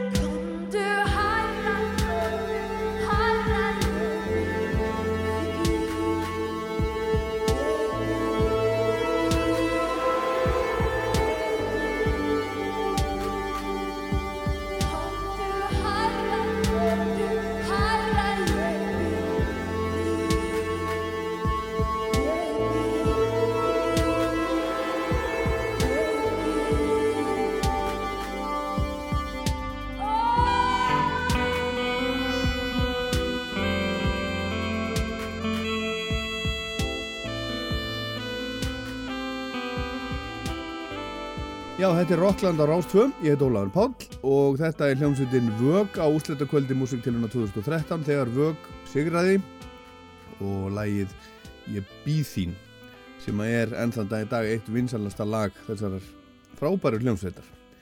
En nú skulum við fara niður í Norðurljós í Hörpu þar sem úsletakvöldi músiktiluna fóru fram í gær og hér er innan gæsalappa Sigur Sveitin Kusk.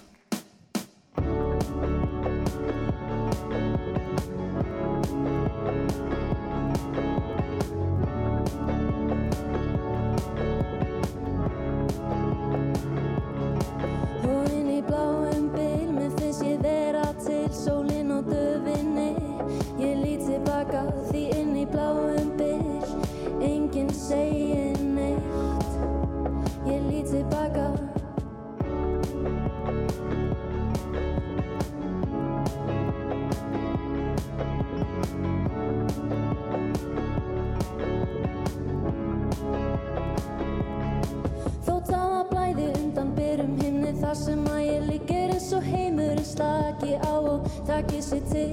Með blóminn fyrir augunum ég hugsa bara fram á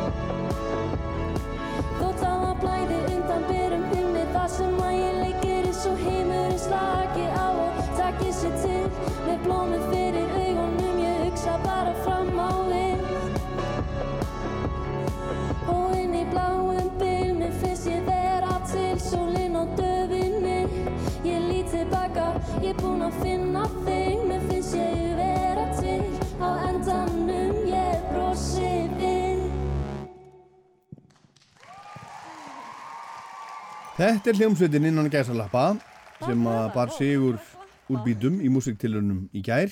Einnar konu hljómsveitin Kusk og fyrsta læð af þremur sem Kusk spilaði í gær í hörpu. Það heitir Undan berum himni. Heyrum meira í þessari skemmtilegu hljómsveit eða hvað við eigum nú að nú kalla þetta hérna á eftir, bara í Kusk. En úslit músiktiluna fóru sér fram í gæri Norðurljósum í hörpu í 39. sinn, ekki í 39. sinn þar, heldur í 39. sinn í það heila En músiktilun áttu samt 40 ára afmæli í ár. Þær voru fyrst haldna 1982 og þær voru 23 hljómsveitirna sem að tóku þátt í músiktilunum í ár. Aldrei verið færri.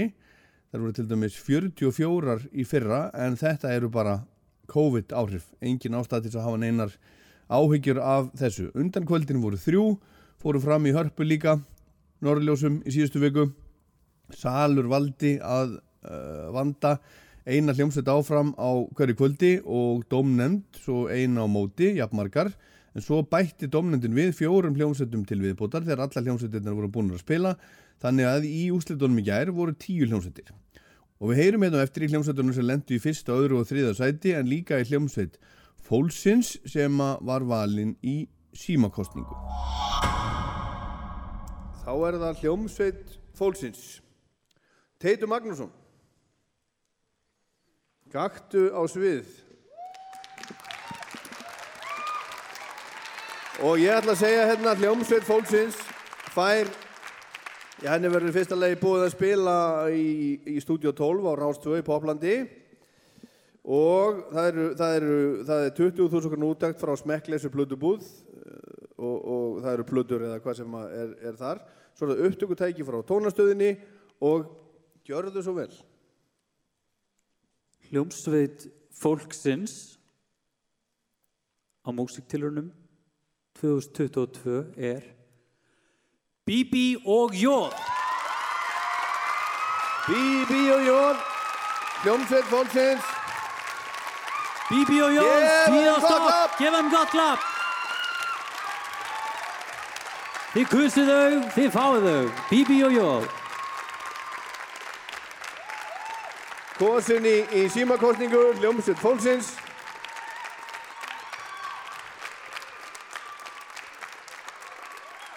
Alls konar vinningar. Herðu þið verða að segja eitthvað? Takk fyrir okkur, þeir eru æðisleg.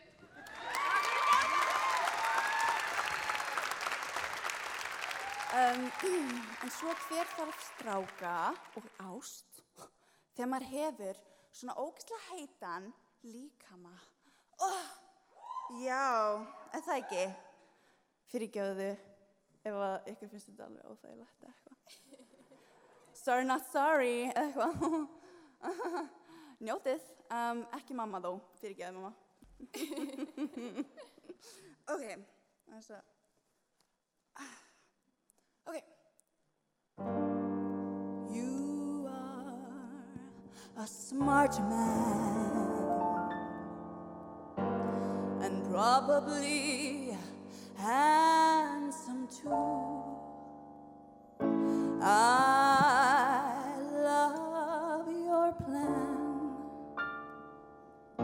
so beautifully cruel.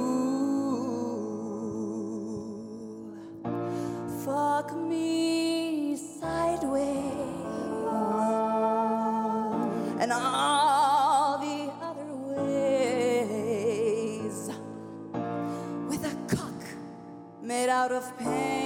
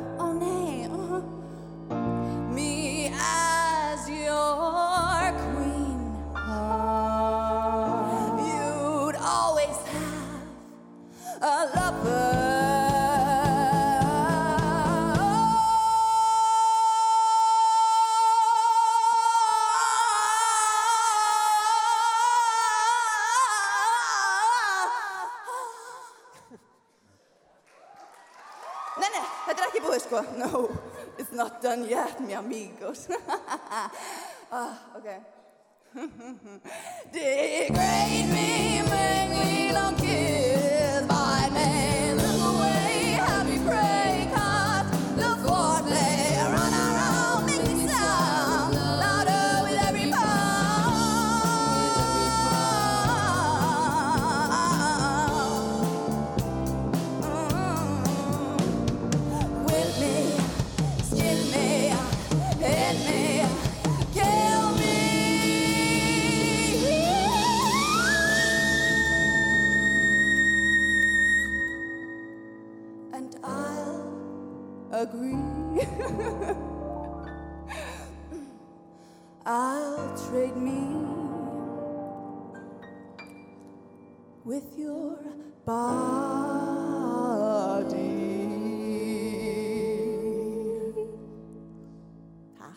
Núna búið.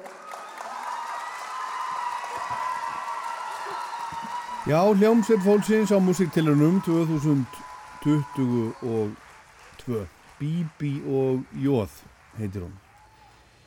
Við töluðum saman meira eftir musiktilunir í gær ég og, og Arnar Eggert og Átni Mattíásson þetta sem við hlustuðum á hérna fyrir þættinum það var tekið upp í vikunni en svo spjöldluðum við sér saman í gær eftir að þessu lauk Svo við tölum bara svona almennt um þessar musiktilunir núna í ár hvernig, hvernig fannst ykkur þetta? Bara frábæra tilhörnir. Já, ég, ég bara nauti þess virkilega, mér fannst mikil fjölbreytni og bara góður andi Já, yfir. rosa góður andi og þetta var svona færri hljómsveitir náður en það kom ekki nýr úr gæðum. Þetta var rosalega gott, þetta var með betri úrslitakvöldum. Já, mjög fjölskrúðu. Já, þetta voru sko, voru færri hljómsveitir í ár og það er bara, það, eh, en hafa, hafa verið áður. Já, já, skólarnir búin að vera stopp. Já, þú stopnar ekki, COVID. hljó- já, þú stopnar ekki hljómsveit á Zoom. Nei, nei. Já, já. Tónlistaskólar líka í Lamassessi. Og... Já, já. Það er það, það hefur áhrif, en samt kom það ekki ni- niður á gæðunum, alls ekki. Nei, alls ekki, alls ekki. Þetta er bara, ég, mér finnst þetta sko að vera bara eitt skemmtilegasta úslita kvöld bara sem ég man eftir í langa tíma. Þessi þörf fyrir að skapa þetta fer ekki og músíktilunir eru bara dásamlegt fyrirbæri til að hlúa þessu. Já. Herðu, þá förum við í bara hérna hljómsveit fólksins, byrjum þar. Það er hérna Bibi Bíbí og Jóð. Bíbí og Jóð, söngleikja maskinan mikla. Já, svolítið svona Meatloaf, Frankenfurter, Já, Rocky já, Horror stemning og mikil stjarnar þessi, Þessi stelpa, söngkonan Já. sem var einmitt valin söngkonan Já, já, þess. alveg stórkostleg söngkona. Sko. Stjarnar er fætt. Hún var ótrúleg. Hún var ótrúlega, hún var söng á öllum hérna, tónsteganum, sko, alveg neðst niður og svo enda og ég veit ekki hvar. Ég hef aldrei heyrt held í sungið svona háan tón eins og söngarnar sko. Og, og lögin þrjú svona saga, byrjuðu sem börn og fá síðan svona hormóna og, og, og þunglindi og enda á vafasömmum slóðum. Já, þetta var svona slóðum, vendaði með, í kynlífi með einhverjum djólaföllum gæðum, sko. Já. Já.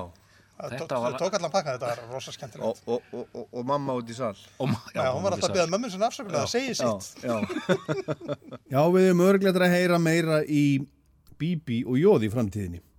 En þetta var þannig að áður en að uh, hljómsveit fólksins fekk sín velun, þá voru afhend einstaklingsvelun og þetta er svona söngvari músiktilruna og gítarleikari og allt svo leiðis og söngvari músiktilruna, það var hún Svanhildur Guðni, Hjördísardóttir úr Jóð, emitt og svo er það bassarleikari músiktilruna, hann heitir Friðrik Gordon Sigþórsson og er í hljómsveit sem að heitir Project Reykjavík sem að komst ekki í úsleitin og hljómbásleikari músiktilruna, hann er úr sömu hljómsveit Magnús Þór Sveinsson og svo er það gítarleikari, það er Oliver Devaney úr hljómsveitinni Sameheads og svo er það trommur, það er Mikael Magnússon, trommuleikari músiktilruna 2022 úr hljómsveit sem að komst ekki í úslit þungaráksljómsveit sem að heitir Merkur og bara alveg þrælfín.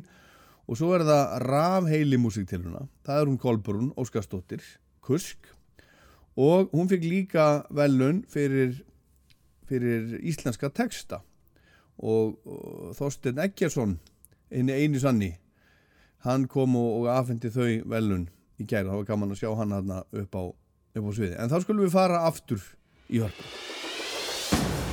Þá er það þriðjarsætið það eru í velun 20 hljóðvistímar í hljóðverki á höf ásamt hljóðmanni. Og, og hljómsveitin verður búið að spila á Æsland Airwaves og það er 10.000 útdækt frá 12 tónum og til þess að afhenda þriðuvelunin eru þau Birgitta Björg, Eidís og Sævar úr Sigursveitinu frá því fyrra, Ólafur Kram. Takk ég vel að móti það.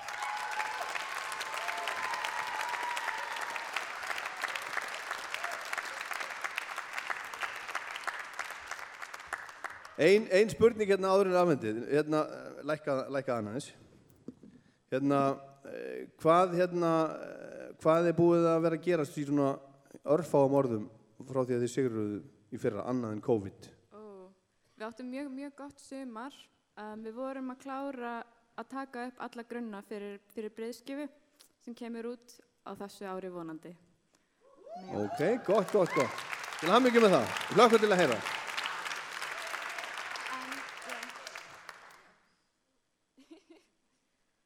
Þri, í þriðja sæti er hljómsveitin Same Heads.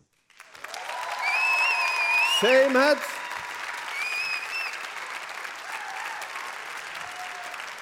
Hljómsveiti Same heads í þriðja sæti.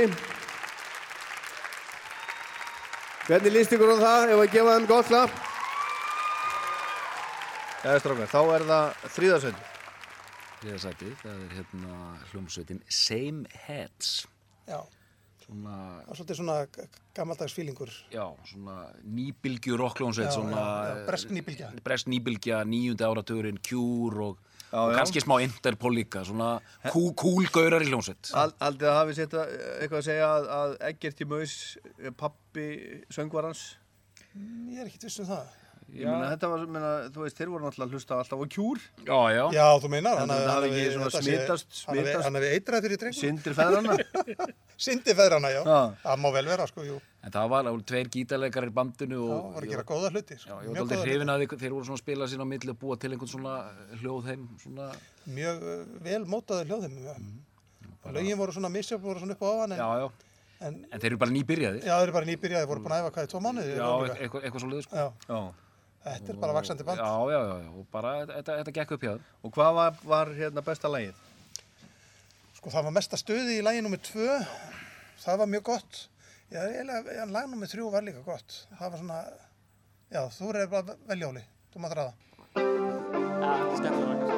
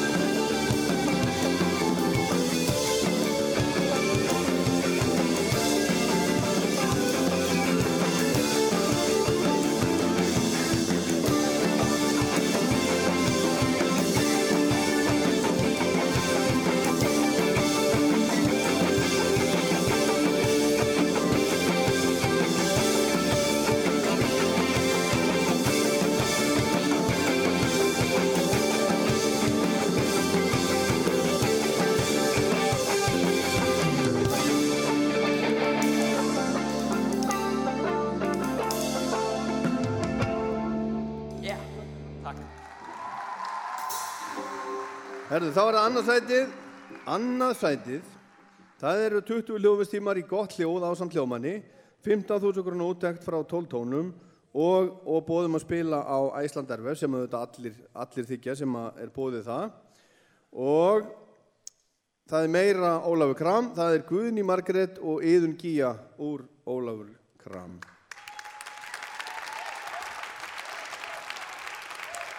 Er, er ekki svona er ekki bara svona svipað uh, búið að vera að gera sjá ykkur eins og þeim hinnum í hljómsveitinni? Bara nákvæmlega sama. Já. Ótrúlegt er satt. En hérna, já, annað sæti í músiktilurina 2022 fer til Gunnar Karls. Gunni Karl. Gunni Karls Gunni Karlsmann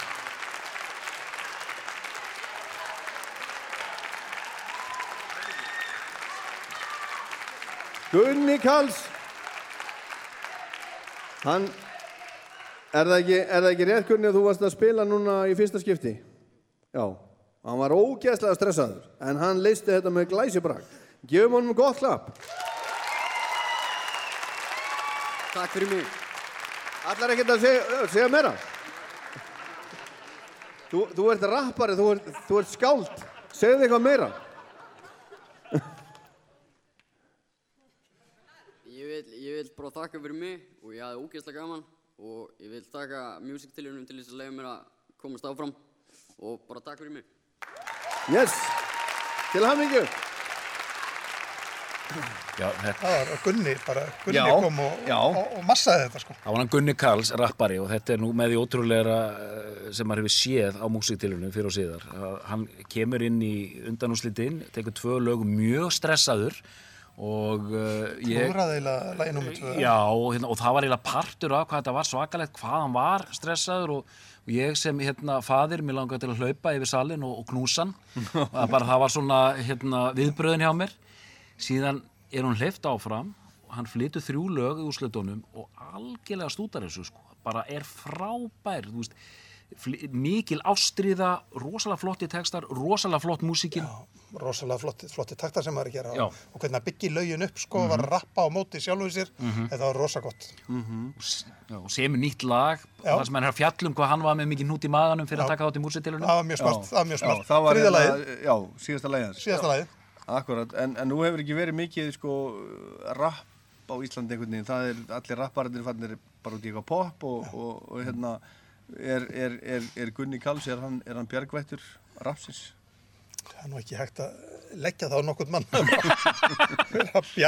illa tónlistastemnu en hann er sko með þetta sko, hann er með pop tilfinninguna hann semur grípandi og flott lög og þess að hann með text, já, ég- þú veist, okkur ekki og hann var bara, hann var svona, svona kvass og svona, þetta var svona hardcore dálítið sko. hardcore en, en samt svona, þú veist, með Já. eh, svona grípandi yfirbræði og grípandi hljóm og þetta var bara rosa flott. Eh, en það er sko, þú segir að ekki, rapp hefur ekki verið ábyrjandi hérna núna undanfarið en það er náttúrulega rapp hefur ekki verið ábyrjandi í músitilunum mjög lengi, það er mjög langt síðan að rappari hefur komist á verðlunapall mm Mhm. músitilunum og bara mjög flottur og líka flottur á sviði. Hann var alveg með flotta reyfingar og, og bara sjarmenandi Já, ég var með þrjá tólvara með mér hérna, þeir heldur með honum alla leið. Já, ég er ekki hissa á því.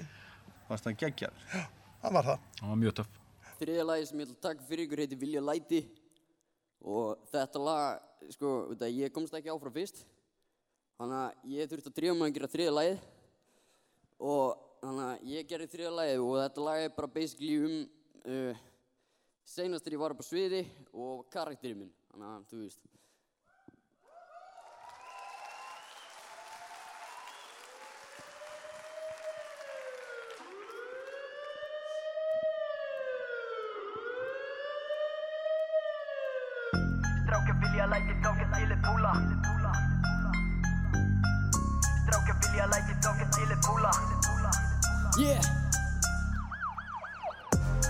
vilja læti þáka til er púla Við viljum læti, eru rætti með að klúta. Þeir vilja læti, eru mætti, vilja læti, vilja læti Er á eftir fyrsta sæti, ha. Strákar vilja læti þáka til er púla Við viljum læti, eru rætti með að klúta. Þeir vilja læti, eru mætti, vilja læti, vilja læti Er á eftir fyrsta sæti, ha. Verða komin á, toppin gæti orðið kallt Ís og ná, bóli bæ með meira skart. Veist við erum bóli, kýpum þetta hart mig kránu, fara þinn, fokk í stað Já, ég er gún og hvað með það? Já, ég er gún og alla meika það. Þar bara J og Mike, ég meina það. Viltu virkilega láta reyna á það? Eins og ég sem er skó, bossi bíti Íti beint og nýtt blóð, þótt að sé flýti. Oppa sjó, hafði hljóð, komin in the zone Take first place, make it look easy. Strákar vilja læti, þókar til er púla. Við viljum læti, eru rétti með að klúta. Þeir vilja læti, eru mætti, vilja læti, vilja læti Eru á eftir fyrsta sæti, ha? Strákar vilja læti, þókar til er púla Við viljum læti, eru rétti með að klúta. Þeir vilja læti, eru mætti, vilja læti, vilja læti Eru á eftir fyrsta sæti, ha? Púla upp á með en út í maga. Hauðsi segi shit, þú þarft að fara. Karakterinn tekur við og lætur vaða. Honum er í raun og veru alveg drullu sama Því hann getur ekta, getur unnið eða tapa Því hann getur rappa, getur verið bara hann að rappa Því hann getur snappa, getur pakka þessu liði alveg kjössalega saman ha? Bara ef að vill eitthvað gerir hann það vel Saman með mína þá gera þeir það með. Vildi verða frægur, sjáður pappi, hér er ég. Feiks mig að bara, ones koma með. Er komin á annar ról nema rá. Kífi púla upp á þá með smók nema rá. Íti að gói, busy bro, þarf að græða nóg. Segja ah ah, en veist ekkert hvað þýðir Þú ert vannur að taka eitt skrif í einu. Tek nokkur og bæti við mína reynslu. Nokkur orð á mæki beint frá drengnum. Engi sem vilja læti geng frá leiknum. Heyri hattur á milli þegar þú talar. Segir alltaf veit en meinar alltaf annað. Segist vera game síðan ertu Þú þar eins og þeir mega hoppa upp í fokki raskat. Strákar vilja læti þóka til er púla Við viljum læti, eru rétti með að klúta Þeir vilja læti, eru mætti, vilja læti, vilja læti Eru á eftir fyrsta sæti, ha? Strákar vilja læti, þóka til er púla Við viljum læti, eru rétti með að klúta Þeir vilja læti, eru mætti, vilja læti, vilja læti Eru á eftir fyrsta sæti, ha? Strákar vilja læti, þóka til er púla Við viljum læti, eru rétti með að klúta Þeir vilja læti, eru mætti, vilja læti, vilja læti Eru á eftir fyrsta sæti, ha? Strákar vilja læti, þóka til er púla Strákar vilja læti, þóka til er púla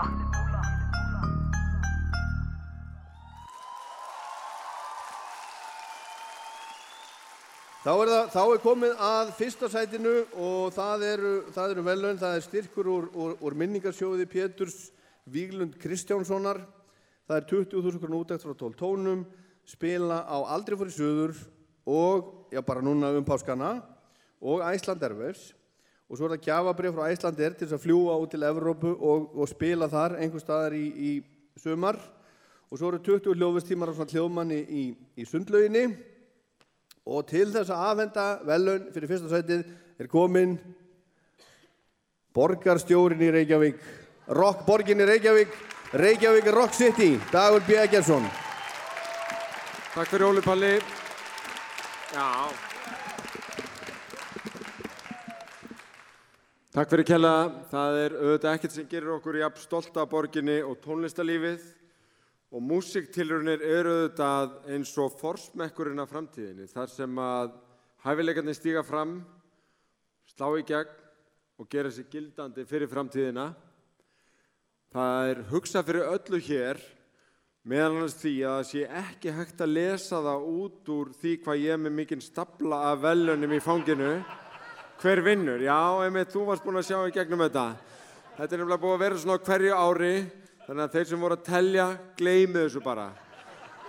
Þetta er nefnilega alveg magna starfsfólk sem hefur staðið þessu fyrir þessu og margt ár eftir ár og ég legg til að við þökkum öllum sem kom okkur í gegnum COVID og hafa haldið, gegnum, haldið utanum músiktilunni í öll þessi ár og gefum starfsfólkinu hérna alveg virkilega gott klapp.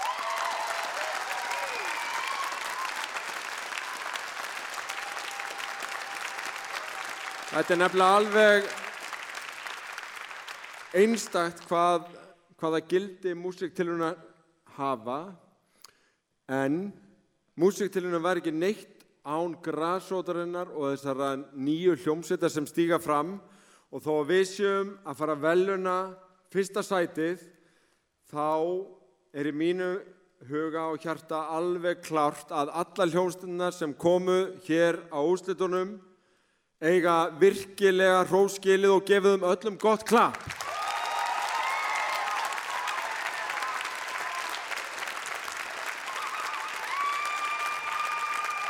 Nágamlega. En ég held að ég verða að fara að aðvenda þetta á þenni missallast að bauka hérna. Þetta er sko. ógeðslega gott triks þetta með hérna, hérna, þetta. Ég er að fatta það bara núna. Ólipal er búin að vera hérna í 47 ára og hann er að fatta þetta fyrst núna. En takk fyrir þitt framlega, Óli. Ég vil, ég veit er ekki allir trommuleikar í salnum, en eigum ekki að fá smá trommuslátt á lærin hérna, áður við kynum úrslitin. Sigurvegari, músiktilruna, árið 2022 er Kusk.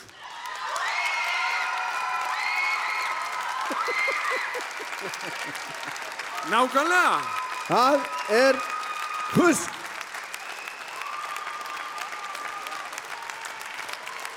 Og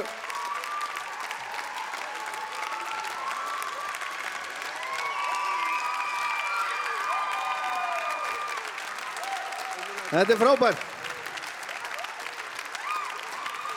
Já, byrju, það var að hérna, takið mynd af ykkur saman. Mynd, mynd af ykkur saman. Ég held, og ég held að við vorum að tala um það hérna áðan, hérna, domnendin, að þetta er í fyrsta skipti höldum við, eða held domnendin sem að einstaklingur sigrar í músiktilunum. Á 40 árum.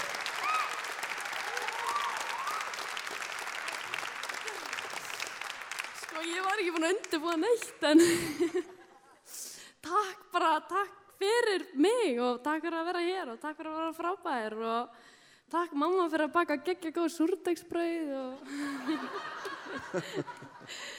já, bara takk fyrir mig. Vá, glæsilegt. Til hamingju. Herðu til hamingju með þetta, Kolbrún, Kusk, Takk fyrir Sigur vegar í músiktiluna 2022. Já. Hvernig líður þér? Ég á ekki orð. Ég er út um allt og allstar. Já, en hérna, en byrju, þú, þú varst hérna í fyrra líka með ljónsettinni Keiko. Keiko. Já, er, er hún ennþá til? Já, ég er að fara á æfingu eftir, sko. Á eftir? Bara núna, straight á æfingu við Keiko. Ok, en hvernig hérna, þú, þú veist, er, er eitthvað að gerast þar? Já, við erum að fara að spila á hennar ásatíð í næstu viku og svo erum við að fara í upptökur og eitthvað. Já, er það? Já, já, já, alls konar að Já, gerast. já, og þú að gera þessa skemmtilegu músík þína. Já. Hérna, þér hefur ekki dott í huga að koma með, með Keiko aftur? Jú, það var óslega gaman. Í músiktilinu Já. þá? Hver veit? Ég Það meina í ár, sko. Og í ár, það var, það var sko pæling Já. og svo vorum við bara að spila fullt af einhverjum tónleikum og við vorum bara, og við ætlum að fara upptöku líka þannig að við Já, já. ákveðum að setja svona það sem við erum búin að koma með, setja saman í projekt. En hvernig, menna, þú veist, þú fyrst, þú fyrst hérna þrenn velun, þú fyrst hérna, Já. þú fyrst sko, uh, fyrst velun fyrir íslenska texta, þú fyrst velun fyrir, fyrir bara pródusjón, Aha. þú, þú veist, ertu að gera þetta allt saman sjálf? Já, ég pródusera sem það sjálf Já. í Logic og svo fæ ég hennar smá hjálp með mixið hjá vinið mínum, hún Já. Snorra. Já, ok. Og svo ertu bara sigur vegarinn í Já, ár. já. og komin að- á, á lista með öllum, þú veist, Mínus og Já, Vög og, og Monsters akkurat. and Men. Það eru svolítið stór og nöfn, sko. Og, og Kusk. Já. Og hvað, þú, nú, er, nú, er, nú er næsta mála dagskrá aldrei fyrir suður. Já, svo Klár, sannarlega. klár í það? Já, ef ekki að segja það bara. Jú, He, bara hefur þú komið í Ísafjörn? Ég hef, ég fór í Ísafjörð í fyrra sumar. Ok. Ég var að skoða svona, aldrei fór í söðu, hvernig það virkaði og þetta er Já. geggjað aðstæð. Já, já, þetta er mjög skemmtilegt, sko. En þú er aldrei farið og aldrei fyrir suður? Nei, Nei. En hefur þú spilað á Airwaves? nei. Ekki heldur. Þannig Bara nú er þetta allt neitt. framöndan. Nú verður, verður sko slegist um þig, þú veist það. Já. Það vilja allir fá þig allstaðar. Svo nefnilega var vingur mín, hún er að fara og aldrei fór í söður og hún var bara, hvað, vill ekki það? Og ég er ekki, nei, ég, hef ekki tíma, sko, ég er að vera í Reykjavík. Að núna er það bara surprise fyrir hana, sko. Nú er, ertu heldur betur að fara. Nú er heldur betur Og hvernig svona, þú veist, hvað ertu að hugsa í kvöld? Þú veist, hvernig sér þetta fyrir þér? Uh, bara framtíðina? Um, bara tónlistast eitthvað. Já, ég meina, er, þú veist, er, ertu að vinna eitthvað annað? Ertu í skóla? Sko, ég er að klára núna, uh, ég er að útskrifast að listabraut í Vestló Ok. og er að sækja mig LHÍ á sviðsöndabraut at the moment, svo veit maður aldrei, þeir get ekki neitað þér. aldrei hvað gerist, kemur út af því, Get ekki sagt nei við séu vera músiktilina. Það er bara, það er skandal. Það er ekki hægt, það má ekki það bara má ekki ekki að ræða það? Já, já. Þannig, þannig að þú ert alveg þú ert alveg búin að setja fókusin á þetta. Þú ætlar að vera í þú hefur vilt verið búin sviði. Ég vil vera á sig, mér finnst það ótrúlega gaman sko. Bæði einu og með Keiko. já, Ég elska Keiko. þú gerir þetta mjög vel. Bara, ég ætla ekki að tefja þig lengur til að hafa mikið með þetta gangi er ótrúlega vel og, og ég hlakka til að heyra, heyra eitthvað, eitthvað meira frá þér sem allra, allra fyrst. Og skora á þig að gera eitthvað sem allra, allra fyrst Ég ger það. Er það til? Já, Ok. ég fer aldrei. Takk, já. Já. Takk, lag mikið. Takk fyrir, takk fyrir. Ég veit ekki hvernig ég endaði hér Sólblómin eru